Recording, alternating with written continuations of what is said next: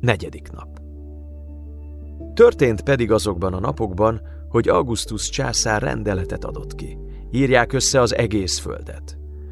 Ez az első összeírás akkor történt, amikor Szíriában Cirénius volt a helytartó.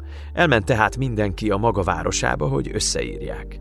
Elment József is a galileai Názáretből Júdeába, a Dávid városába, amelyet Betlehemnek neveznek, mert Dávid házából és nemzetségéből való volt, hogy összeírják jegyesével, Máriával együtt, aki áldott állapotban volt. Lukács evangéliuma, második fejezet, az elsőtől az ötödik versig.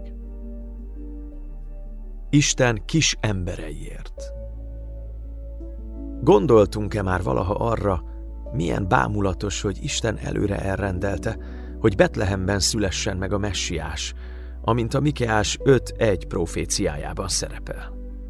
És ámulunk-e azon, hogy ő úgy rendezte el, hogy amikor eljött az idő, a messiás anyja és törvényes apja nem Betlehemben élt, hanem Názáretben, és annak érdekében, hogy Isten betöltse előre kijelentett szavát, és azon az első karácsonyon Betlehembe juttasson két ismeretlen, jelentéktelen kis embert, Augustus császár szívébe helyezte a szándékot, hogy összeírassa az egész római világot, mindenkit a maga városában.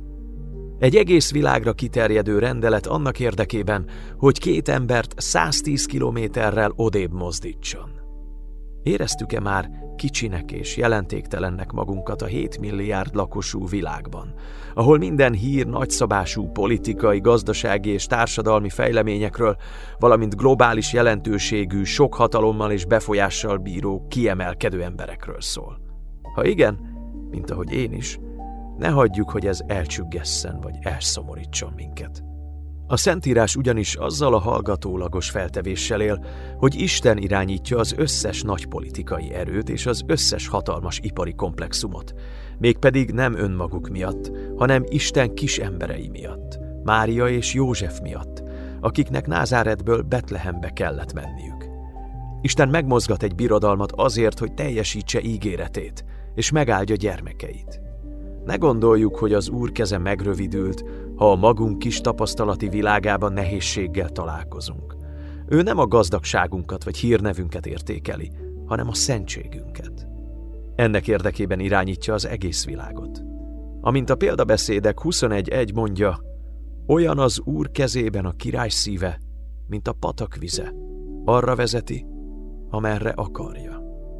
Ő mindig arra vezeti, amerre az övéire vonatkozó üdvözítő, megszentelő és örök céljai kívánják. Ő a kisemberek nagyistene, akiknek nagy okuk van az örömre, mert a világ összes királya, elnöke, vezetője, kancellárja és főnöke tudtán kívül a mi mennyei atyánk szuverén rendelkezéseit követi, hogy mi, a gyermekei, az ő fia, Jézus Krisztus képére formálódjunk át, és azután bemenjünk az ő örök dicsőségébe.